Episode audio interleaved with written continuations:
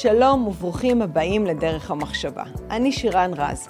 בכל פרק אני אראיין אנשים מרתקים ואני אעלה תכנים מגוונים ובעלי ערך שיעזרו לנו להבין איפה אנחנו חיים. שלום וברוכים הבאים לפרק 56. מדינת ישראל למודה רוויה במלחמות ובקרבות, ובכל זאת הוחלט לתת רק ל-40 אנשים עיטור גבורה. 40 אנשים קיבלו עיטור ממדינת ישראל שנחשבו ונחשבים עד היום כגיבורי ישראל. אחד מהם שאני גדלתי עליו ומאוד התרגשתי לקראת הרעיון הזה יותר מכל רעיון שהיה לי עד כה לדבר איתו הוא הרי אביגדור קהלני. בוקר טוב אביגדור. בוקר טוב שירן. אתה מאמין לי כשאני כתבתי פה את, ה, את השאלות או התכוונתי, ממש התרגשתי, גדלתי עליך בבית בסיפורים, לא, והנה יש לך פה איזשהו כנראה משהו שאתה לא יודע, שאבא שלי לחם איתך ביום הכיפורים, הוא נפטר לפני חצי שנה. וואו. ועל קרבות הבלימה אני, אני גדלתי על זה. וכל, אני מדברת עכשיו ואני עדיין uh, מצטמררת. אז, אז באמת יש לי כבוד גדול uh, לעשות את, ה, את הרעיון הזה ואת השיחה הזו איתך. והסיבה שממש היה לי חשוב זה ש, שזה לא ייעלם לנו מה שקרה שם. הגבור, אתה קיבלת גם כמה עיטורים, אה, נפצעת בששת הימים, עברת ליום כיפורים ששם קיבלת עוד עוד גבורה והשאלה הראשונה היא ממש רחוקה בהיסטוריה שלך. אביגדור, זה, זה, זה אקלים שאתה גדל עליו כילד? איך אתה גדלת? מה היה שם? תראי, העיטורים, אה, זה לא מראה תמיד אה, רק על גבורה, זה מראה על איזושהי אה, נחישות mm-hmm. שהיא קיימת בתוכך וזה חלק מהאוף שלך. זה מישהו, אני לא מאמין בעיטור שמישהו מקבל על איזה הברקה שהוא עשה משהו. אם אנחנו, הדברים האלה נמשכים לאורך שנים, אז העיטור הוא, אה, אה, הוא תוצאה קצת מאופי שאתה מפתח אותו בתהליך של זמן. צ'רניחובסקי באחד משיריו כתב, האדם הוא תבנית נוף מולדתו.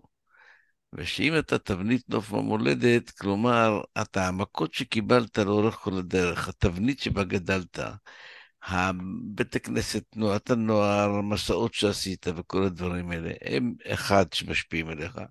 שניים, התחושה של אחריות שהיא גם קשורה לבית. שיום אחד אתה צריך להחזיק את הדגל של המדינה, ובתורנות שלך אתה צריך ל, ל, ל, להניף את הדגל ולשמור על המדינה.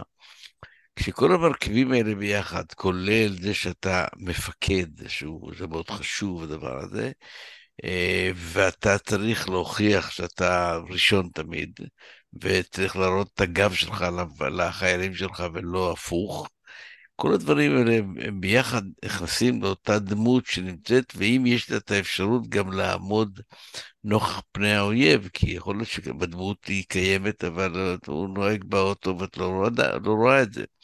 כלומר, כל זה ביחד גורם לכך שבו הדברים מתפרצים החוצה. Mm-hmm. וזה מה ש... זה, זה איזשהו, גם אחריות לאומית, גם אחריות אישית, גם מודל של דוגמה אישית שצריך להיות.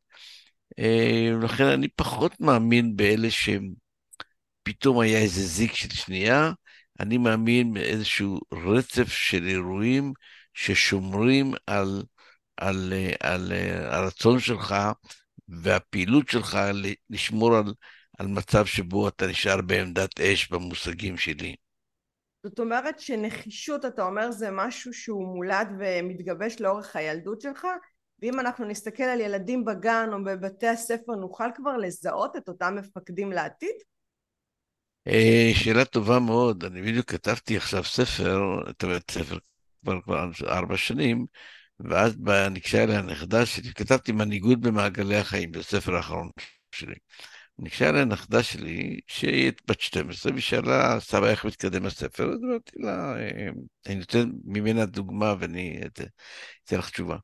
אז לו, בסדר, וזה אמרתי, תקשיבי רגע, יש לי שאלה אלייך. זה שיש לך עכשיו ציונים 100 בכל ה... ויש לך ציונים 100, אז זאת אומרת שאת תהיי מנהיגה של המדינה? אני אומר, לא, אני משקיע.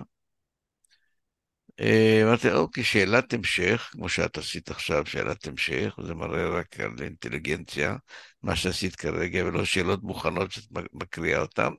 אז שאלת המשך, האם יש לך מלך ומלכה בכיתה? אני אומר, כן.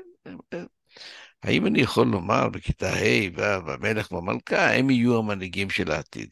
היא אמרה, מה פתאום? אלה אנשים שעוסקים בעצמם.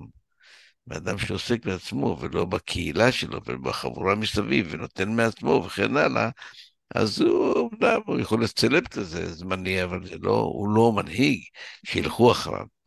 עכשיו, הנושא של המנהיגות, זה, מנהיגות זה יכולת לסחוף אנשים אחריך. והתכונות האלה שנמצאים, הם, הם, יש המון המון המון דברים שצריכים להיות בתוכך. Mm-hmm. ואחד הדברים זה להיות קודם כל בן אדם. יש נושא של אמינות, יש נושא של מקצועיות, יש כל אותם דברים שאנחנו אה, מצפים ממנהיג, ולכן גם מטבע הדברים מפקדים באים לידי יותר לידי ביטוי. כלומר, אם התותחן בטנק שלי הוא אמיץ מאוד, אבל הוא לא יכול לבוא, להביא את עצמו לידי ביטוי מלבד פגיעה במטרה. כי להביא את עצמך לידי ביטוי זה לעשות משהו שהוא חריג במה, בעצם לנורמה שנקבעה ומה שמצפים לך באותה סיטואציה. לכן, אם אנחנו חוזרים אל ה, אל ה, לתחילת השאלה, אנחנו מגיעים למצב שבו אנחנו מבינים שאם אתה לא דוגמה אישית לכל דבר, אתה לא יכול להביא לתוצאות. אם אנשים, הם, אתה כופה עליהם את דעתך, כלומר, בגלל דרגתך, אז זה בסדר, כי אין להם ברירה. אבל אני רוצה להגיע למנהיגות, שאותו אדם שהולך אחריך, הוא יעשה הכל כדי לא לאכזב אותך. ואם נגיע למנהיגות של לא לאכזב, אז זאת מנהיגות הגבוהה ביותר שאנחנו יכולים לראות. בעצם אתה מדבר שמנהיג אמיתי מוציא מהמונהגים שלו איזה אקסטרה מייל שאולי אפילו הם לא היו מוציאים את זה אם הם לא היו אה, אה, מקריבים אה, את עצמם או משהו למען המפקד שלהם. זאת אומרת יש איזשהו חלק, איזושהי דלתא שיוצאת החוצה רק מול מנהיג אמיתי, זאת אומרת הבן אדם מזהה את זה. חד משמעית, חד כן. משמעית, חד משמעית, היכולת של, של למשל להניע, וניקח משהו, מה שאת אימא וזה, ויש לך ילדים וכן הלאה, היכולת להניע זה היכולת להביא אותם למצב שהם ירצו לעשות כדי לרצות אותך, והם יעשו הכל גם לא לפגוע בך. את הבאת אותם במצב שהם יודעים שזה כלים שלובים, שאם הוא פוגע בך, למחרת את יכולה לא לתת לו את החום ואת האהבה שהוא מצפה. הוא צריך להביא אותו למצב שאכפת לו ממך, המנהיגה, לא רק מעצמו, mm-hmm. כי האדם בדרך כלל הוא אצל עצמו. לכן הנושא הזה של, של ה... אה, ולאנשים יש חושים. את יכולה, אי אפשר לעבוד על אנשים הרבה זמן, אפשר יום, יומיים, שלושה, אבל אי אפשר לעבוד על אנשים הרבה זמן. כלומר, מישהו שהוא, אה, יש לו תכונות של מפקד ומנהיג, והוא אמין, והוא בן אדם, וכל זה, אז אתה מגלה את זה מהר מאוד. ואז אתה מוכן ללכת יחד איתו. אם היינו משאירים את ההחלטה ל- ללכת אחרי מפקד רק לאלה שיש להם את היכולת להנהיג, סביר להניח שהיינו במקום אחר. כלומר, הדרגות והתפקיד עוזרים לך בהנהגה. והמנהיגות זה, מנהיגות אפשר ללמוד את הכלים של מנהיגות, אבל אי אפשר, אה, אה, בוא נאמר, אם אין לך כריזמה, אתה לא, אתה לא יכול, זה, זה צריך להיות משהו בילד אין. Mm-hmm. כלומר, אתה יכול ללמוד את הכללים שעומדים, מסתדרים, מסתלקים בבוקר ולא מקללים ולא זה וזה, אתה יכול ללמוד את הכללים. אבל אם אתה אומר על כריזמה, כריזמה היא משהו מולד, שאתה מקרין אותו, שאת אם את רואה בן אדם שאת לא יכולה להסיר ממנו את העיניים, וכשהוא מדבר אז את יודעת שיש לו כריזמה, או שאת מתחילה כרגע לטפס בפלאפון תוך כדי הדברים, ולחפש אם יש לך כסף בארנק. כלומר, כריזמה זה מולד. כן, אתה מרגיש את האנרגיה הזו. כן. אז אני רוצה להוסיף עוד נדבך. אה, אחרי שהבנו שיש פה משהו מולד, איזשהו אה, אקלים שגם מתפתח בילדות, האם, אני, אני רוצה רגע לעבור מהילדות לששת הימים ביום כיפורים.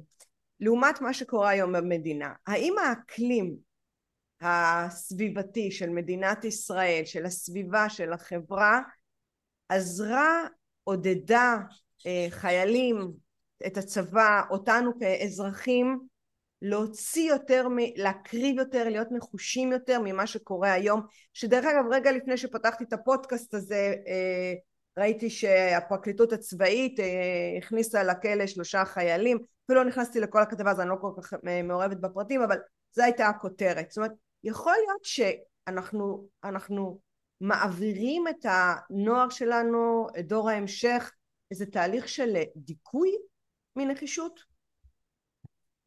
קהלת אמר, דור הולך ודור בא והארץ לעולם עומדת. כלומר, אנחנו שומרים על המדינה שלנו בתורנות. מגן הילדים שמדברים על בר כוכבא ודוד יהודה המכבים, מדליקים נרות וכל החגי ישראל וכן הלאה, אלה דברים שמצמיחים אותנו. עכשיו, ברקע, כבר בגיל יותר מבוגר, רואים את התמונות מן השואה, אחר כך יותר מבוגר אתה שומע חדשות ואתה רואה שהרגו בן אדם בגלל שהוא יהודי וכל הדברים. אחר כך אתה רואה חיילים טובים שהם אמיצים ומסתכלים על הכנפיים וזה, וכובעים וכומתות, אז אתה כל הזמן, יש לך מודלים לחיקוי ודפוסי התנהגות שבמדינת ישראל קבעו אותם. כן. זה, זה אולי לא פייר כזה, אבל מצד שני, זה צורת הגדילה שלנו. Mm-hmm. ואז אנחנו מגיעים ביום, בפעם הראשונה שבו אדם נותן מעצמו לטובת ה... לבד מישהו אחר, לטובת הקהילה, לטובת האומה, וזה, זה בגיל 18. נקודת המבחן, האם כל מערכת החינוך שלנו נכונה, היא בגיל 18. ברגע שבו אתה נותן מעצמך, אתה יכול גם לתת בגיל 16, להיות uh, רשג"ד בתופים ומדריך בנוער עובד. זה בסדר, כל הדברים, זה, זאת נתינה. ולכן, המבחן שלנו כאומה וכעם צריכה להיבחן בנקודת, זה בגיל 18, כמה אנשים מתגייסים ולאן. ואם, ועל הדור שלי אמרו, הולך ופוחת הדור. כלומר, אמרו כאילו שאנחנו פחות טובים מדור הפלמ"ח, שהיינו ילדים וגדלנו עם דור הפלמ"ח. אבל אני אה, לא, קודם כל לא מסכים עם זה, לחמנו יותר מלחמות מדור הפלמ"ח, אבל דבר שני, אני עכשיו נלך לנושא של, של אה, המתגייסים. אז אם כשאני הייתי, התגייסתי וחבר שלי אמרו לו, אתה הולך לגולני, הוא ברח. היום יש חמישה אנשים נלחמים על מקום של גולני. יש בין 12 ל-14 אנשים נלחמים לקום במג"ב וכן הלאה. אני לא מדבר על יחידות של מתנדבים, כמו צרכנים, טייסים וזה, שיש שם די הרבה. כלומר, זהו המבחן שברגע האמת שבו אתה מתגייס, אתה אומר לעצמך, אני רוצה לתת מעצמי. ביום שהמבחן הזה ייכשל, ואנחנו, כל אחד ירצה, יהיה גאה בזה שהוא נפקד, עריק ומתחמק, ביום הזה בעצם אה, תלך לנו המדינה, אין פה שום ספק בכלל. אז לכן, תורת החינוך שלה משפיעה על כל אחד מאיתנו. ויש עוד איזושהי נקודה שהדור הצעיר, בכלל לא רק הדור הצעיר, אני חושבת שכולנו משתמשים נורא מהר במילה טראומה. אה, אה, מישהו רוצה לעבור דירה והמשכיר ביטל לו את החוזה, אוף יש לי טראומה, קיבלתי טראומה, קיבל... כל דבר כאילו הם לוקחים את זה לאיזשהו פיק מאוד מאוד גבוה. ו... ואני רואה, מסתכלת, לומדת את ההיסטוריה שלך על, על האופן שבו נפצעת בששת הימים וזה לא משהו שמנע ממך לקבל אחרי זה אה, עיטור גבורה ביום כיפורים לאחר מכן. זאת אומרת, לא רק שזה לא עצר אותך, זה הפך אותך להיות עוד יותר נחוש. הייתי רוצה שקצת תספר לנו מה קרה בששת הימים, ואז אני כן ארצה להתמקד ביום כיפורים עד כמה שאנחנו יכולים בקרבות הבלימה, כי אני חושבת שזה משהו שאני לא אוכל לא לדבר עליו בשיחה איתך. תראי, אה, בששת הימים, אה, אני אענה לך לשאלה, אבל אני אתחיל, בששת הימים הייתי הטנק הראשון שעבר את הגבול. מאחורי הייתה שיירה גדולה, וזה לא משנה, הטנק הראשון. הנה בח'אן יונס, והטנק הראשון נפגע וקפצתי לשני, והטנק השני נפגע וקפצתי לשלישי. המשכתי כל היום להילחם כמפקד פלוגה וכן הלאה. בסוף היום, שהובלתי את כל חטיבה שבע אחריי, שפגשתי איתי סגן צעיר, ממש סגן צעיר, מ"פ הכי צעיר בחטיבה, ונכנסתי למערב ליד אל-עריש, שזה כבר עמוק עמוק בתוך שטח מצרים, ונשרפתי, אה, כל הטנק שלנו עלה באש, אני לא ידעתי שהסגן שלי שקפצתי לטנק שלו, הוא נשרף למוות, דניאל סוני, אריה רוטמש בבת ים נשרף למוות, התותחה נשרף די קשה, נהג לא קרה לו שום דבר. שכבתי שנה בבית חולים, ועברתי 12 ניתוחים פלסטיים, וזו התקופה הכי סוערת בחיי. שזה סבל נוראי כל יום, אחרי אותך למי מלח כל יום, ועם כל הקביעות וכל הדברים. דרגה שלישית, זה, זה מצב צריך לקחת אור ממקום אחד לסלול למקום שני.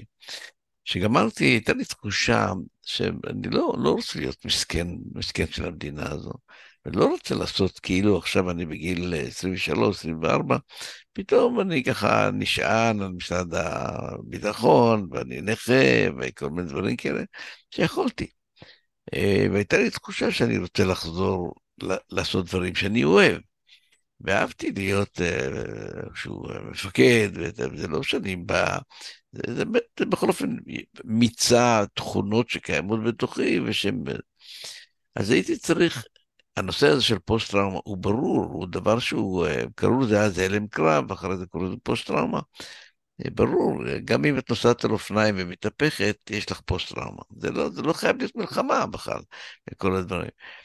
השאלה מה עושים. יש פעם, למדנו כשהיינו צעירים, שאם צנחן קופץ והמפתח לא נפתח לו בדיוק בזה, ונפתח חצי והוא הגיע לזה, צריך לשים אותו מיד במטוס ולזרוק אותו עוד פעם. נכון. בזה, כן, כאילו כדי לעבור, כי אחרת הוא דוחה את הדבר הזה. כלומר, אם אתה נופל באופניים, תעלה מיד עוד פעם ותנסה להתגבר על זה.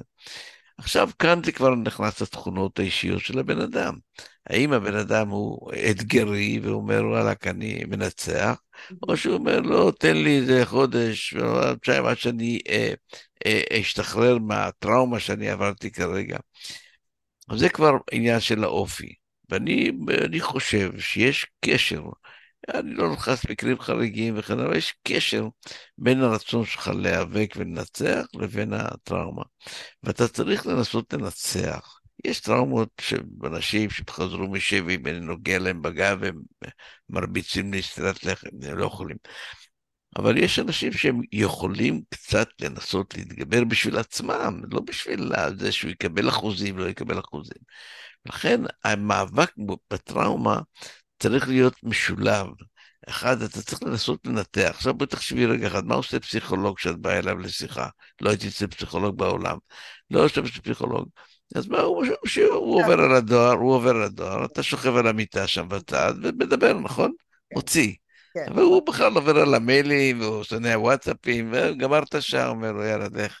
אני אומר את זה בכוונה, אני אומר את זה, הפסיכולוגים, אם יקשיבו לזה עכשיו ירביצו לי. לא, אני אומר את זה בחיוך, זאת אומרת, הבן אדם צריך להוציא את מה שיש לו, נכון? זהו.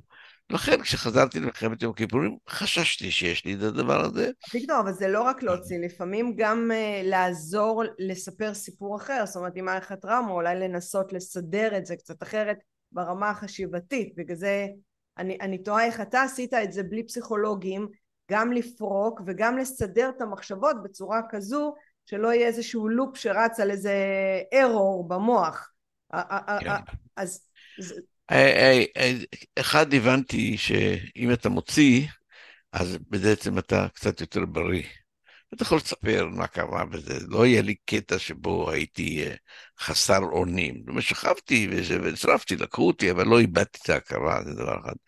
ואם אתה מוציא, אז אתה משחרר בעצם, אני, אני משחרר חלק מהחוויה וחלק מהטראומה, ודבר שני, זה כמו לחזור חזרה למטוס. אתה יכול לספר, זה בסדר, אבל תחזור חזרה למטוס. אה, אה, אני אודה על האמת שלא יכולתי גם לחלק את המחשבות שלי עם איש. לא יכולתי למי להגיד לאשתי, להגיד לחברים שלי שאולי יש לי משהו ואני חוזר לטנק וזה. אז שמרתי אותם לעצמי. ובמלחמה, איך שהתחלנו לנוע לתוך האש, פתאום חשתי שהתייבש לי הפה. אמרתי, וואלכ, הלו, הלו, מה קורה כאן? וזה וזה, לקחתי מים, שתיתי וזה וזה וזה. וזה. לא הבנתי אם זה זה וזה. בלילה הראשון היה איזה טנק סורי שפגעתי בו שבעה שמונה מטר ממני. עדיין על יום כיפורים כבר. עכשיו אני עובר, כן. ביום כיפורים. הגעתי ליום כיפור, לא ידעתי אם אני... כן. אז ביום כיפור כשנכנסתי לכזה, שתיתי מים, הרגשתי מתייבש לי הפה, בהתרגשות וכן הלאה. כן. אבל זה לא היה תופעה של פוסט-טראומה, זו תופעה של התרגשות, היא רגילה. בלילה פגעתי באיזה טנק ביום כיפור. והמפקד טנק עלה באש, והוא ניסה לצאת בתוך הצריח כשכל הצריח יצא אש, ואז ראיתי את עצמי. ואז חטפתי שיתוק בכל גופי. וואו. ואז באותו רגע הבנתי ש, שיש לי, פתאום ראיתי אותו, ראיתי את עצמי שנשרף. כי זה בא לי, כאילו, לקפוט, להציל אותו, כי הוא שבעה מטר ממני, אבל היה... דחפתי את הפרצוף והמשכתי להילחם. לחזור לשאלה שלך, להתגבר על פוסט-טראומה, אם אתה רוצה, אתה יכול, לא לגמרי, חלק אנשים יכולים, חלק לא, אבל זה צריך לרצות. לרצות. צריך לרצות להתגבר על זה, ולא להגיד, בסדר, זה מה שיש, כסרה סרה. לא, אני לא מקבל את זה.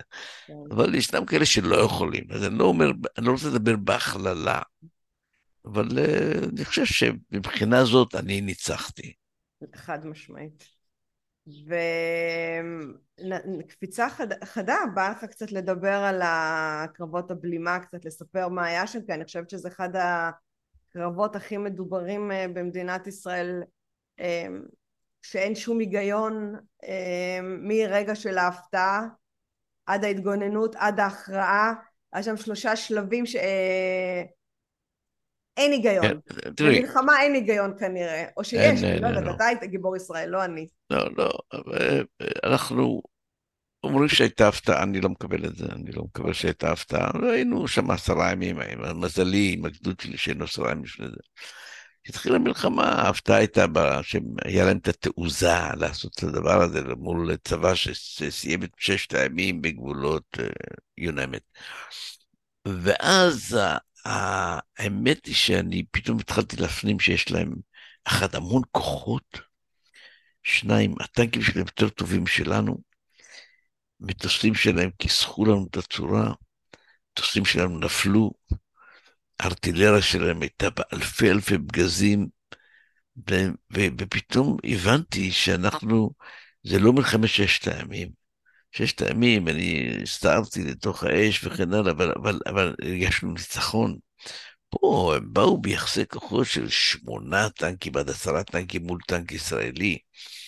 וזה, זה, אתה, אתה, גם אם אתה טוב, אז השמעת חמישה, אבל החמישה האחרים יפגעו בך. המטוסים שלהם, שהם אצלנו נפלו, זה 25 מטוסים ברמת הגולן ביום הראשון, ולא היו מטוסים, אז הם כיסחו לנו את הצורה.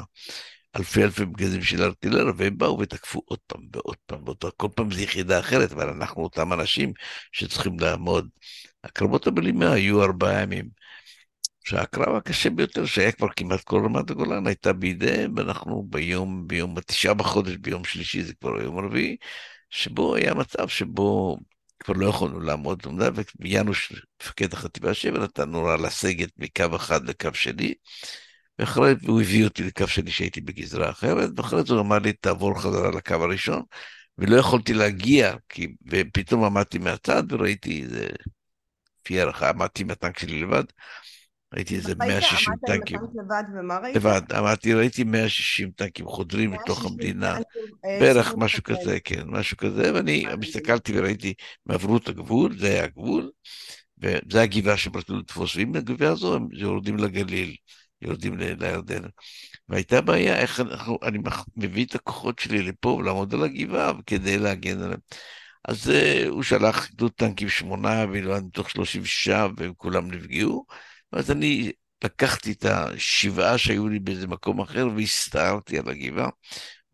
והתמונה הזו שהייתה בכל העמק הזה שנקרא עמק הבכה, התמונה הזו היא, היא הייתה, אני היחידי שראיתי אותה, כי עמדתי מהצד וראיתי אותה, והתמונה הזו הייתה, כשהגענו לעמדות, ראינו את כל העמק שחור בטנקים שפגענו קודם וטנקים שהגיעו עכשיו, יראינו כמו מטורפים בטווחים של 100 מטר, 50 מטר, בדרך כלל זה שני קילומטר טנקים על טנקים.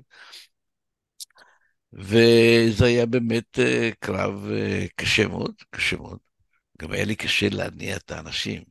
אנשים לא, הם שמעו אותי בקשר, אבל לא זזו.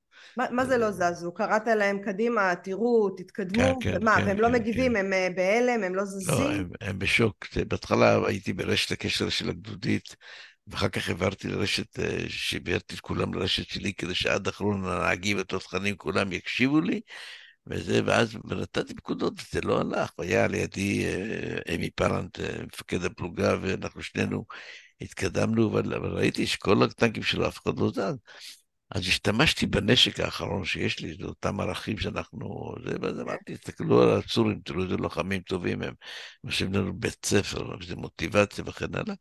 ואז אה, אמרתי, מה קרה לנו? ככה בקשר אמרת להם? בקשר, כולם. Okay. כן. ואז אמרתי, הכל מוקלט.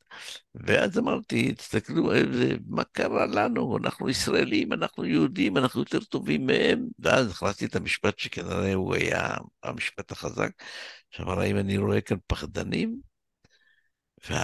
ומי שרוצה שיתקדם איתי. והסתכלתי אחורה וראיתי עוד טנק זז ועוד טנק זז, ופללתי לאלוהים, כפי שלא התפללתי בחיים שלי, שנעמוד על הגבעה למעלה, והגענו לגבעה, זה היה 800 מטר, משהו כזה, וכל פעם עלו שניים, שלושה טנקים סורים מבולבלים, וירינו בהם. כשעמדנו למעלה, לדעתי אמרתי, אלוהים, אלוהים, תן לי להגיע, כי אני היחידי שידעתי מה קורה פה.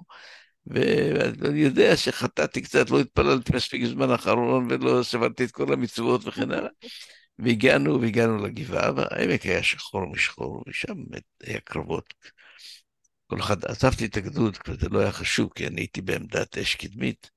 יריתי כמו משוגע, אני חושב שהצוות שלי השמיד אה, כמובן, אני חושב יותר מ-25 טנקים, משהו כזה, אבל... מתוך כמה? טק, מתוך טק, כמה? 25 טנקים? מתוך, מתוך, ואתה לא יכול לדעת אם הטנק הזה מישהו פגע כן. בו קודם, וזה, הם, הם הגיעו לפי הערכתי, זה גם נבדק אחרי זה, הם הגיעו לפי הערכתי בקרב הזה, הספציפי כן, זה כ-160 טנקים, אחרי זה מצאו בתוך העמק הזה, אחרי המלחמה, למעלה מ-250 טנקים, שזה היו טנקים שנפגעו עוד קודם, וטנקים ש... זה הכל ביחד עם עוד כלים, 50. היו, זה, זה, מאז קראנו למקום הזה עמק הבכה, והוא... הוא ה... רגע, שנייה, אז יריתם ב-25 טנקים האלה, ומה קרה אחר כך? הם נעצרו, זאת אומרת, אני יריתי ב-25, אבל כל, ה, כל מי שהיה איתי בעמדות ירו כן. בטנקים אחרים. והם נעצרו, הם נעצרו, לא, לא, לא כבשו את הגבעה, אם הם כובשים. אז הם היו רצים אל הגליל. הם נעצרו והסתובבו וחזרו, או שהם פשוט... לא, לא, לא, מה פתאום, הושמדו, נעצרו. הבנתי. היו טנקים שהיו שני קילומטר מאיתנו שעמדו להיכנס לתוך העמק, ראיתי מעטים כאלה שעושים אחורה פנים ובורחים. וואו. אבל ראינו בין הטנקים הרבה חיילים קופצים, כשאתה פוגע בטנק לא, לא כולם נפגעים. כן. הם קופצים מהטנק ואז הם רצים ברגל לכיוון סוריה, בחזרה. ראינו את הדברים האלה, ראינו. כש, כשרואים, כשאתה בתוך קרב, אתה רואה אירוע כזה, שאתה פוגע בטנקים וזה האויב, ואתה רואה אותם קופצים, הרי זה, זה בני אדם, הם קופצים ובורחים. יש, יש איזשהו משהו במערכת הרגשית שיכול להבין, לקרוא אותם, להרגיש אותם, להבין, או שאתה, או שזה, או שאתה נמצא באיזה סוג של טראנס, שאתה יודע שאתה חייב להתנהג א', ב', ג'. כאילו, יש משהו שקורה ברגעים האלה? קודם כל, אתה... אה, שאלה חכמה מאוד, שצריך אני להיות חכם כדי לענות עליה, אז אני אנסה. הנחישות, זה, אני לא אתן להם לעבור אותי. אני לא אתן להם לנצח אותי. אז יש שלב שאתה יורה מהר, ואתה יורה וזה, ואתה מכוון טוב וזה, ועושה את כל, מביא את כולם ועוצר אותם. זה השלב של העצירה. עכשיו, פה ישנו השלב השני, שבו אתה רואה חיילים קופצים בטנק והם בורחים. אז האם אתה, פעם שלמדנו שאלו זה, אומרים, אחרי שאתה פוגע בטנק, אתה עושה מקלעים כדי שהצוות. הדבר הזה לא עשינו, לא עשינו. כי אתה רואה חיילים רצים, הלוא הוא חייל כמוני, ואולי הוא שונא אותי יותר שאני לא שונא אותו. אבל, אבל זה השלב של אל נקמות אדוני. השאלה אם אתה עושה את האל נקמות אדוני או לא. אז אני לא, אנחנו לא עשינו את זה. כלומר, ראינו את החיילים קופצים, אה, יכול להיות שנפגעו חצי מהצוות וחלק קפץ. ואז הם רצים, רצים לכיוון סוריה, חזרה. וזה. אז זה שאלה, אם אתה, אה, יש פה נקמה מסוימת שאתה אומר, אני, אני לא אתן להם לברוח, או שאתה מסתפק בתוצאה שעצרת אותם. אז אני חושב שמה שתיארתי כרגע, אנחנו הסתפקנו בתוצאה שעצרנו אותם, אבל לא עסקנו בלנקום בהם. זאת אומרת, יש פה גם איזשהו איפוק ושליטה עצמית, כי, כי אתה יכול, וואלה, עצבנו אותי, אני הולך להתחרע עליהם ולחסל אותם לגמרי, אבל אתה גם מדבר פה על עוד, עוד איזשהו אה, מצב תודעתי של ריסון עצמי, של אה, איזשהו לא לאבד את העשתונות גם בזה שקראת לשאר החיילים, גם בזה שלא הלכת איתם עד הסוף ומתי הייתה הנקודה שהבנת, אביגדור, שניצחת? ברגע שהם נעצרו, היה פתאום שקט. Okay. ועמדתי בעמדה, עכשיו לא ידעתי כמה טנקים נשארו, אנחנו נשארנו בערך שלושה משהו. ו... והתחלתי להסתכל ככה על העמק, והיו מלא מדורות כאלה, הרבה טנקים מבוערים וכן הלאה. ואז ידעתי שעצרתי, אבל אתה עדיין נמצא דרוך, כי אתה לא יודע, אולי יש איזה גל נוסף שמגיע, אנחנו ארבעה ימים בתוך הטנקים, אוכלים רק מציות וכן הלאה. אז אתה, אתה דרוך ואתה מסתכל כמובן לצדדים, ואתה לא יודע, אולי בא עוד גל. אז אתה לא מרשה לעצמך לומר, זהו, אני גמרתי, עכשיו אני הולך לחגוג. אין דבר כזה, אתה יושב דרוך כמו קפיץ, כל, כל מה שאתה מפקד זה עוד יותר דרוך. למחרת, שהבנו שנצ... שהם כבר לא, אין להם כבר טנקים לתקוף אותנו, יותר אמרנו שאנחנו תוקפים בתוך דמשק, הבנתי שעברנו את השלב הזה, אבל עכשיו הייתי עוד יותר דרוך, כי אני עכשיו צריך לפרוץ פנימה לכיוון דמשק. ועכשיו אמרתי, רגע, ניצחנו אותם, יאללה, בואו נשב, נעשה לנו איזה אה, על האש וכל זה. לא, אתה אומר לך, עכשיו הגדוד שלך הראשון שפורט לכיוון סוריה. כלומר, אם יצאת בשלום מהקרבות ההגנה, עכשיו אתה הולך לתקוף, ובקרבות ההתקפה זה לא דבר שהוא ללא סיכון, יש בו המון המון סיכונים, כי אתה הולך בחוד צר מול אויב שפרוס בשטח רחב, ושהוא ממתין לך, והוא יודע שאתה מגיע, אז שהוא יכול להפעיל עליך את האוויר, את הזה, את הטנקים וכל הדברים האחרים. כשיש מלחמה, אתה לא נח לשנייה מבחינת הזכות הנפשית שלך. אתה כל הזמן בדריכות, אתה כל הזמן, אתה לא יכול שלא להיות בדריכות. היית כבר uh, בעל משפחה ב... ב... הייתי, היו לי שני ילדים, כן. היה לי... אימא ברגעים כאלה, בזמן לחימה? אה, לא. זה עובר בראש או שלא, אמרו רק לא מסוגל? לא, לא, אתה יודע, לפעמים אתה אומר בסיסמה, כל חייל נלחם כדי לשמור על האימא שלו ועל האבא שלו. לא, לא, זה לא. ברגעים כאלה, ברגעים כאלה אתה קפיץ. כן. אה, וזה נמצא בתת הכרה, לא, אתה לא יכול להגיד אני מנותק מן העולם. אני לא חי במדבר סהרה ואין לי משפחה. Mm-hmm. זה קיים, אבל הוא לא קיים בצורה אה, חזקה בתוך התודעה שלך. וסיימת את יום הכיפורים, לא, זה לא משהו שגרם לך לעצור, החלטת שאתה ממשיך ואחרי זה גם הולך לפוליטיקה והיית גם סגן ראש עיריית אה, תל אביב מה זה הדרייב הזה, אביגדור? כאילו, אתה עד היום, הנה, הדלקת משואה, ריגשת במילים שלך. יש פה רגע איזשהו משהו שהוא נורא נורא בולט בכל שיח שלך. אתה כל הזמן מזכיר את הנופלים. אתה כל... גם בראיונות של שתיים שלוש דקות בחדשות, אתה אומר, אלה ששוכבים מתחת לשיש, אלה ששוכבים מתחת לאדמה, אתה לא מפסיק להזכיר שהם מתו למעננו. אז שתי שאלות. זה, כן. כן, אוקיי, תשאלי את השאלה. הדרייב הזה שלך להמשיך לעזור, כן. אבל דבר שני, אמ, כמה, כמה המלחמה עוד חיה בך ביום יום? המלחמה לא חיה בי ביום יום, אם אני מספר אז אני חי אותה.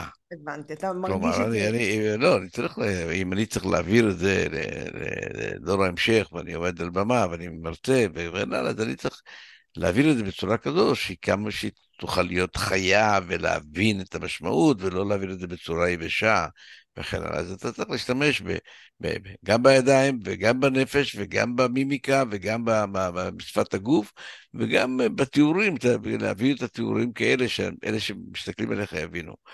אבל הנושא של הדרייב שאת מדברת עליו, אני קברתי הרבה מאוד אנשים, בזה, וכל פעם זה נורא כאב לי, זה באמת כואב בראש שאתה קובר חבר, קובר לוחמים שלך. וזה הרג אותי שאני זורק את החול על הארון הזה, ויש לי איזה רעש של תוף בום, כן. בום. ואני חושב על החבר שלי שוכב למטה, שהיינו באותו חדר אה, כמה שנים, ולחמנו יחד, וזה הרג אותי. להבין שהוא, אם הוא היה יכול, הוא היה אומר, תעצור, אביגדור, תעצור רגע. אני אומר לו, למה אתה לעצור? אתה כבר מת. אז הוא אומר, תראה, עוד לא שתלתי עץ, עוד לא כתבתי ספר, עוד לא עשיתי ילד, עוד לא התחתנתי, עוד לא הלכתי לאוניברסיטה, עוד לא, עוד לא, עוד לא, עוד לא, עוד לא. לא ידעתי די. וכשאתה אומר את הדבר הזה, אתה אומר, וואו.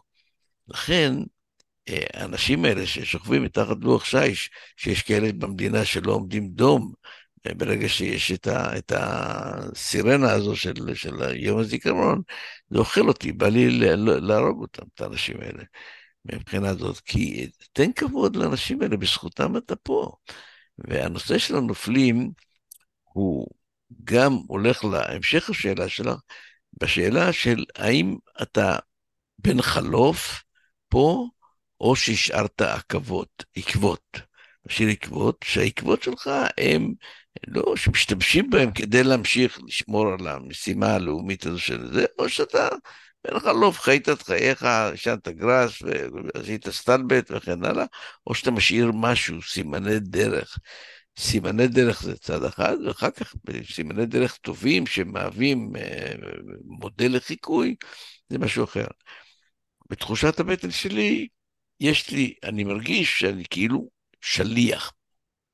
שליח צריך לעשות משהו. אז אני כבר, אה, הספרים שאת רואה פה מאחוריי, פחות רואה, אני צריך לסובב את המסך. שישה ספרים שאני כתבתי, יש לי איזה עשרים שירים מולחנים. אני לא מחקר, אני בא לי שיר, אני כותב אותו. בא לי זה לכתוב שישה ספרים, מי אני בכלל?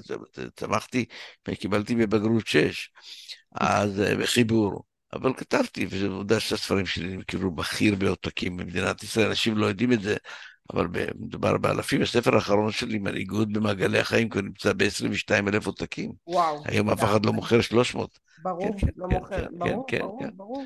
ואני נמצא ב-22 אלף עותקים, וכן הלאה. אז לכן, אה, ה drive, חלק מה drive, זה, אתה אומר, אתה, כולנו בני תמותה, אתה מסתכל, משה רבנו לא נשאר פה, ואיינשטיין הגאון לא נשאר פה. אז אני אומר, מה הם השאירו? הם השאירו הרבה מאוד דברים. אם אתה חושב בזווית הראייה הזו, אז אתה רוצה לעשות דברים, לא, אתה, בלי לדרוך על אנשים, בלי לזה, אלא לעשות דברים שהם ממצים את היכולות האישיות שלך. ואם אני יודע לנגן בפסנתר, הייתי רוצה לנגן בפסנתר, שתקשיבי, וכן הלאה. כלומר, אני מנסה. ואם יש לי את מה ש... שהוא זורם בתוכי, וגיליתי אותו מאוחר, לא גיליתי אותו לא חושב. גדלתי ילד, אותי שלחו להיות מסגר, לא, אני לא מזלזל בשום מקצוע, אבל אחרי זה פתאום בצבא, פתאום ראיתי שאני לא נופל מהסביבה שלי. כל הזמן הייתה לי תחושה כאילו אני נופל מהסביבה. אז, אה, ואני אה, דרג שני, שלישי, רביעי. פתאום ראיתי שסליחה, אני לא, אני לא נופל מאף אחד. ואני מצטיין פה ומצטיין שם וכל זה, ואז אתה מקבל איזושהי תחושה של ביטחון עצמי קצת יותר כדי ללכת למשימה הבאה שלך. אז זהו, אז אני, אני לא נח, אני, הילדים שלי אומרים, אבא, תסתכל על התעודת זהות שלך, אתה לא שם לב, אה, אה, לא, אתה שכחת בכלל שהיא קיימת. אז זה נכון, אני... אבל אה... כן, אתה... אני חושבת שלפחות ממה שאני שומעת, ש... ההבנה הזו שאני בן תמותה ואני יכול, אני הייתי יכול להיות uh, חס ושלום מתחת uh, לשש בדיוק כמו החבר שלי וזה שהעובדה שאני פה uh, זה לא נותן לי פריבילגיה הפוך הוא זה אני צריך לעבוד יותר קשה כדי, כדי, כדי שהחיים האלה לא יהיו סתם והם לא יהיו חסרי משמעות. כאילו כל רגע שאני חי ונושם שמשהו פה יקרה. להשאיר את הרושם שלי את התעודת זהות האישיותית התודעתית אה, אחריי ואני חושבת שזה drive מאוד חזק שאתה מבין את זה כי אז כלום לא יכול לעצור אותך ואתה כל הזמן מנסה זה בעצם האומץ לב זה כל הזמן לחתור למקום שהוא מחוצה לעצמך כמו שאתה אומר אומץ לב זה לא רק בשדה הקרב, אומץ לב זה גם בפוליטיקה. אני קיבלתי החלטות, אני הקמתי מפלגה, אני עזבתי את מפלגת. העבודה, עשיתי כמה החלטות קשות מאוד. אומץ לב זה, זה תהליך של זמן, של אדם מסתכל במראה ואומר, אני, אני, אני, זה אני, או שזה מישהו אחר שאני שמחפש את כיוון הרוח. אומץ לב זה לאורך כל הדרך, אתה תלך, אתה לא, אתה לא עניין הזה של להוכיח כמו שאני רוצה להשאיר משהו, כן. והמשהו הזה הוא, הוא הרבה יותר גדול ממני. Mm-hmm. המדינה הזו, היא, אם לא יהיו פה משוגעים לדבר, היא לא תהיה, לא, זה ברור, ואני מבין את זה, אני מבין את זה. ולכן אה, אני לא מחפש את הפרסום האישי שבו זה, זה בסדר, אני לא זה... אה, אני מודה לאלוהים שהוא שמר אותי כאן, כי הנגיעה במוות הייתה לאורך כל הזמן, כן. בכל הזמן. אז אני מודה לאלוהים שהוא שמר אותי, ואני חושב שיש לי, אני, יש לי משימה, משימה להיות שליח, ובשליחות הזו אני מנסה להשפיע על דור ההמשך שיתפוס את הפיקוד. איך אתה רואה את צה"ל היום? אני עשיתי אה, רעיון לפניך עם האלוף בריק, והוא עומד בשער, אה, מתריע, מצלצל בכל הפעמונים, והוא דוגמה לעוד כל מיני אנשים שחושבים כמוהו, כן, הוא לא היחיד, וגם יש לו היסטוריה לא מבוטלת ועשייה עשירה. הוא אומר בצורה נוקבת שצה"ל לא ערוך למלחמה הבאה. מה דעתך? אה, בריק, אני מכיר אותו. אה, הוא... יש הרבה דברים שהוא אומר שהם נכונים. יש דברים שהוא כבר חי את זה וקצת אובססיבי בעניין בצד הזה. אני מעריך את הדאגה שלו. הוא לא מחפש פרסומת, הוא דואג כל הזמן. אמ, אני חושב שיש חלק מהדברים נכון, אבל אני הייתי, הייתי תוקף את הדברים אחרת. אם אני באמת מוטרד, אז אני לא עומד וזורק על החלון של, של צה"ל אה, אבנים, אני הייתי נכנס לתוך הבית ועוזר להם להבין מה לא בסדר. בכל אופן, הוא בדרגת אלוף, כן. וכן הלאה. לכן אני חושב שהדברים שהוא מניף את הדגלים, חלק מהם נכון, אבל אני חושב שכיוון שאתה כבר הגעת, צמחת בתוך צה"ל, ואתה אלוף בצה"ל וכן הלאה, אני חושב שאתה צריך להיות, להיכנס פנימה לתוך צה"ל ולעזור להתמודד עם הדברים האלה. אז יש גם צה"ל בצורה אובייקטיבית, כי זה יצאו לו אלפי תקנים, וזה, אז אם הוא צריך לצעוק על משרד האוצר, כי חלק מהתקנים שקיצצתם גרמו לכך שאין בימ"ח עם אנשים. יש... כן, תקופה שזרוע היבשה קטנה. כן, צריך לעשות, צריך לראות. אני לא, אני בכלל לא אוהב את, ה, את הנושא של אנטגוניזם. אני אוהב את השיתוף פעולה, אני שייך לבית הלל. אני חושב שאפשר לצרף את האנשים, לעשות אותם ביחד, ואני לא אומר שהדברים שלא נכון. אני חושב שהדרך, אה, הוא היה צריך למצוא מצב שבו הצבא גם מאזין לו. כן. כרגע הם לא מאזינים, לפי דעתי, אני, אולי אני טועה.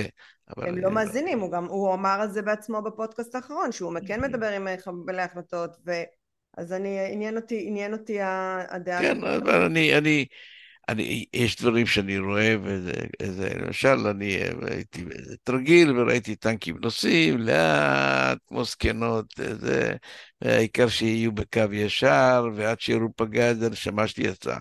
אז אני רותח בדבר הזה, אני אומר להם, אתם תהרגו, אתם לא מבינים, מה זה הדבר הזה? אז יש, יש, יש דברים שהם הביטחון שהם מקבלים, שיש להם מעיל רוח וכל מיני דברים, כן, נותן להם ביטחון, שזה, מה, אצלנו הם לא היינו רצים כמו מטורפים ועוברים, מחפשים את המחסה, מה, היו מחסלים אותנו.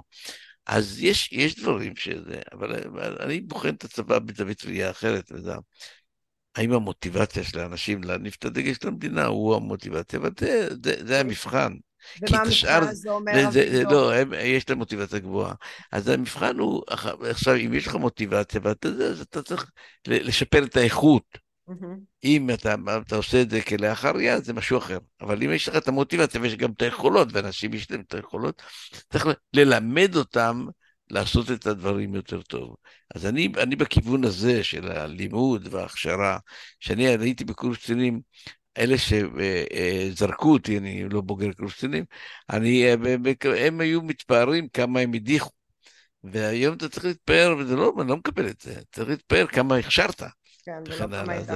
כן, יש, אה, אה, זה, זה זווית ראייה אחרת של מיצוי חומר הגלם שנמצא בידך, במקרה הזה זה אנשים.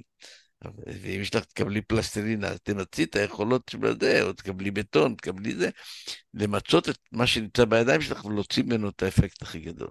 מה אתה אומר על לוחמות בצה"ל? תראי, אני בעד לוחמות, אני לא בעד טנקיסטיות. אני לא בעד טנקיסטיות. לוחמות, הם עושים, בכלל, כל ה... מישהו מסתכל עליי כאילו אני נגד נשים, מה פתאום, בלבולים את המוח. יש לי ארבע נכדות, יש לי בת, יש לי אישה, כל הקשקשנים האלה, אני עם אשתי כבר 60 שנה, אז שיפסיקו להתקשקש. רק על זה מגיע לך עוד גבורה. כן, כן, כן, לא, לא צריך, אז אני אומר, שיפסיקו להתקשקש כולם. אין לי שום דבר, אני חושב שנשים, יש להם יכולות בהרבה תחומים הרבה יותר מגברים, הרבה יותר, הן יכולות לעבור סבל יותר מאיתנו, וכן, והיכולת החשיבה וכן הלאה. אבל מה לעשות, יש, יש, אה, אנחנו באנו מהמאדים ואתם באתם מנוגה, ויש יש יכולות אישיות. הנה, אתמול קראתי בעיתון, שחיילת מסכנה, היא... אה, אה, הרחם נפל לה כתוצאה ממשקל כזה. הצבא אומר שהרמת משקל מעל 16 קילו זה אסור להרים לבחורה, כי אה, יש צניחת רחם. צניחת רחם. אז אני אומר, וכן הלאה. עכשיו, אז תבדילי בין שני דברים. אחד, זה הדרג ששומר על המדינה, על הגבולות, על הבט"ש, על באמת, הכל זה עשר. תאמיני לי, עושים עבודה נפלאה. יש דרג מסתער. דרג מסתער זה גולני, זה טנקים, שהם עוברים את הגבול כדי להרוג את האויב. משם חוזרים בלי ידיים, בלי רגליים, ובארונות, ובארונות. ואני מתנגד לדבר הזה. לא הגענו למצב שצריך לה. ואני, אה, תפסה אותי אישה אחת, שמעתי שאתה מתנגד ללוחמות. אמרתי, מה פתאום, אני בעד, אנשים לא מבינים, כי אמרו, אה, הוא עוד מעט תשלח אותנו למטבח, אף פעם לא חשבתי על הדבר הזה, אני בכלל, לא עולה על קו מחשבתי. רק אני אומר, אה, אז אמרתי לאותה אישה שהיא לפני יומיים, אמרתי לה, לא, לוחמות, מה פתאום, זה וזה, אז מה, מה, מה ההבדל בין לוחמות לטנקיסטיות? אז אמרתי לה, האם ראית פעם אה, אימא שמניקה ילד בלי שתי ידיים? חשבת על זה? כן, כן, תחשבי רגע אחד, משם חוזרים בלי ידיים. אז אם היא רוצה וזה, בסדר, אני לא, אני לא, אני לא רמטכ"ל, אני לא מקבל את ההחלטות. אבל יש גם שכל ישר בדבר הזה. אף אחד, לך את קיבלת את הזכות להיות אימא, אני לא קיבלתי. ואת, ואת, ואני רוצה לשמור עלייך, אני רוצה לשמור עלייך שלא זה, רק בגלל השוויון, השוויון, מי אומר שיש שוויון, אתה יכול לעשות כל התפקידים בעולם, בגלל שם השוויון אני אלך ו, וזה. אני קברתי את הלוחמים שלי, אני הבאתי אותם בלי עיניים, בלי ידיים, בלי רגליים, אני, ואני יודע בדיוק את המשמעות, וכאן, אני, הנשמה שלי לא מסוגלת לראות את הדבר הזה, לא בגלל שאני ממעיט ביכולתה של אישה, ומי שלוקח את זה להמעיט הוא פשוט חסר קשב, הוא לא מקשיב. הוא רק אומר, מה, הוא חושב, אני ראיתי את זה. קריינית בטלוויזיה אמרה, עוד מעט יגיד לנו גם מה גודל החצאית. יאללה, באמת, נו. אתה חושב שכולם מטומטמים? זה, זה הנטייה, לקחת את, ה, את העניין הזה לקצה, במקום להבין שיש גם באמצע. וזה לא או-או, זה, אתה יודע, כמו שאתה אומר, הם יכולים להיות גם בתפקידים אחרים, ולהיות טנקיסטית, יש לזה מחירים מאוד כבדים. בטח. אני, תמיד יש לנו, תמיד יש את הוויכוחים האלה, כמה באמת אישה יכולה להיות לוחמת ואיפה הגבול, וכל אחד אה, באמת אה, צריך להבין שה... אמ, שאני חושבת שהתנועה הפמיניסטית קצת איבדה את הטעם שלה לאחרונה, והיא לא, התנתקה מהמקור, כי המקור עשה דברים יפים, עכשיו הן אה, קצת לוקחות את זה לקצה שהוא עושה יותר לדעתי נזק מאשר עושה טוב. אה, אני כל החיים שלי הייתי קרייריסטית וגידלתי שני ילדים לבד ומעולם לא נעצרתי בהיררכיה המקצועית ובקריירה בגלל היותי אישה. אף פעם לא חשבתי שאני אישה אז מישהו אה, יעצור. אני, אני בן אדם וכל מה שאני רוצה אני אעשה ונראה מי יעצור אותי, אני, אני קדימה. אני לא הייתי בצבא ולא הייתי, לחמתי כי הייתי אימא בגיל מאוד צעיר אבל, אבל ההסתערות והלחימה ונחישות אני חושבת שזה תכונות אופי כמו שאמרת שתופסים אותנו בכל מעגלי החיים אתה לא יכול להיות בשטח אחד אישיות א' ובשטח אחר ב' כי ערכים זה ערכים זה הבסיס זה, ה, זה הקור כן. שלנו כאנשים תראי, ואם בחורה אומרת, אבל אני רוצה, בסדר, כן. אם היא יכולה להרים פגז, בסדר, שתרים פגז, פגז שוגל 25 קילו מינימום. האם היא יכולה? לא יודע, שתחליט, אני לא, אבל, אבל זה לא נובע מאיזשהו אה, חוסר הערכה. לא, מה פתאום? אני לא הייתי רוצה לראות את הבת שלי ואת הנכדות שלי אה, חוזרות משדה הקרב, וללמד אותם ששמים כידון ותוקעים את זה לבטן של המחבל, ומסובבים שלוש פעמים כדי שהמעיים יצאו. נו, נו, באמת, היא צריכה להיות אימא. דרך אגב, כשנשרפתי, צעקתי מילה אחת, אימא. כי אימא, כן? אימא יהיה אלוהים, כן, אין. וואו. כשנשרפתי וצעקתי, לא, לא, לא שמע ישראל ולא שום דבר, יש אלוהים אחד. אמא. אמא. וצעקתי, אמא, היא שמעה אותי עד נס ציונה, מתוך סיני. וואו, היא הרגישה אותך? חד משמעית. יואו, איזה מרגש זה. כן. כאילו נכון. אימא מרגישה את הילדים שלה בתוך הבטן. חד משמעית. אמ, וואו, איזה שיחה, אני יודעת שאתה צריך ללכת ואנחנו צריכים לסיים, הייתי יכולה להמשיך לדבר איתך לנצח נראה לי. אה, יש מילה אחת שאתה רוצה לסכם שחשוב שאנחנו נדע עליך או שאתה רוצה להגיד על המדינה לסיכום? עליי, אני לא, אני לא האישיו כאן, אני, אני שליח שנמצא בדרך. אני מקווה שהם... שליח. כן, כן, שליח. אה, אני חושב שאם אם, אם עכשיו אה, את הולכת להפיץ את מה שעשית איתי, מישהו אחר וכן הלאה, היית צריכה לשאול את עצמך מה אני רוצה. ואם את אומרת, אני אה, רוצה להיות עכשיו שדרנית בטלוויזיה, אז את אומרת מה שאת רוצה. אבל אם השתמשת בי כדי להיות שדרנית בטלוויזיה, זה לא מה שאת רוצה. אז כלומר, מה שאת רוצה זה להביא, וזה, מתחילת השיחה אני קולט מהר מאוד, את, את, את אותם ערכים שאת מנסה להביא אותם לתוכנית שלך. ואת אמרת שמאזינים ורואים וכן הלאה. אז אה, אני מאחל לך שתצליחי. תודה. תמשיכי עם הדרייב שלך, אני, אה, תוכלי לחתוך את אה, סוף דבריי, אני רוצה לומר לך לא, אני לא אחתוך בכלל. שמעט, לא, לא, לא, אני רוצה מעט מאוד אנשים. שאני, כשאני מדבר ומתראיין, אני גם מקשיב האם יש שאלת המשך, ואת מפתחת את הנושא שאני נגעתי בו קודם, או שאת אה, קוראת שאלה מספר 7 ועכשיו את קוראת שאלה, שאלה מספר 8. לא, הייתה פה שיחה. נכון. השיחה היא משתלבת ורצה בזה, ויש קשר בין נושא אחד לנושא שני, ועל כך תבורכי. ויגדור, אני לא כתבתי שאלה אחת, אני, אני כנה לגמרי, והמטרה שלי בפודקאסט זה לנהל שיחות וללמוד ולהקשיב, ולעזור לעוד אנשים לשמוע על נושאים שאנחנו לא מקבלים. אם אני הייתי באה עם שאלות, הייתי הורסת את הרעיון. למדתי. אז אביגדור, תודה. אגדה מהלכת שאני אישית גדלתי עליה, תבורך, תודה רבה. איש יקר. בהצלחה, בהצלחה. בחיים. תודה. עם הילדים וכן הלאה. כן. זה היה פרק נוסף של דרך המחשבה. כל הפרקים זמינים באפליקציות הפודקאסטים, בערוץ היוטיוב ובפייסבוק. אם עדיין לא הצטרפתם, זה הזמן. להרצאות בנושא חשיבה יצירתית, חדשנות, יזמות, אסטרטגיה רגשית ומדיטציה, מוזמנים לפנות אליי ישירות לאופיס שטרודל שירן רז דוט קום. אני שירן רז, ואהיה איתכם גם בפרק הבא.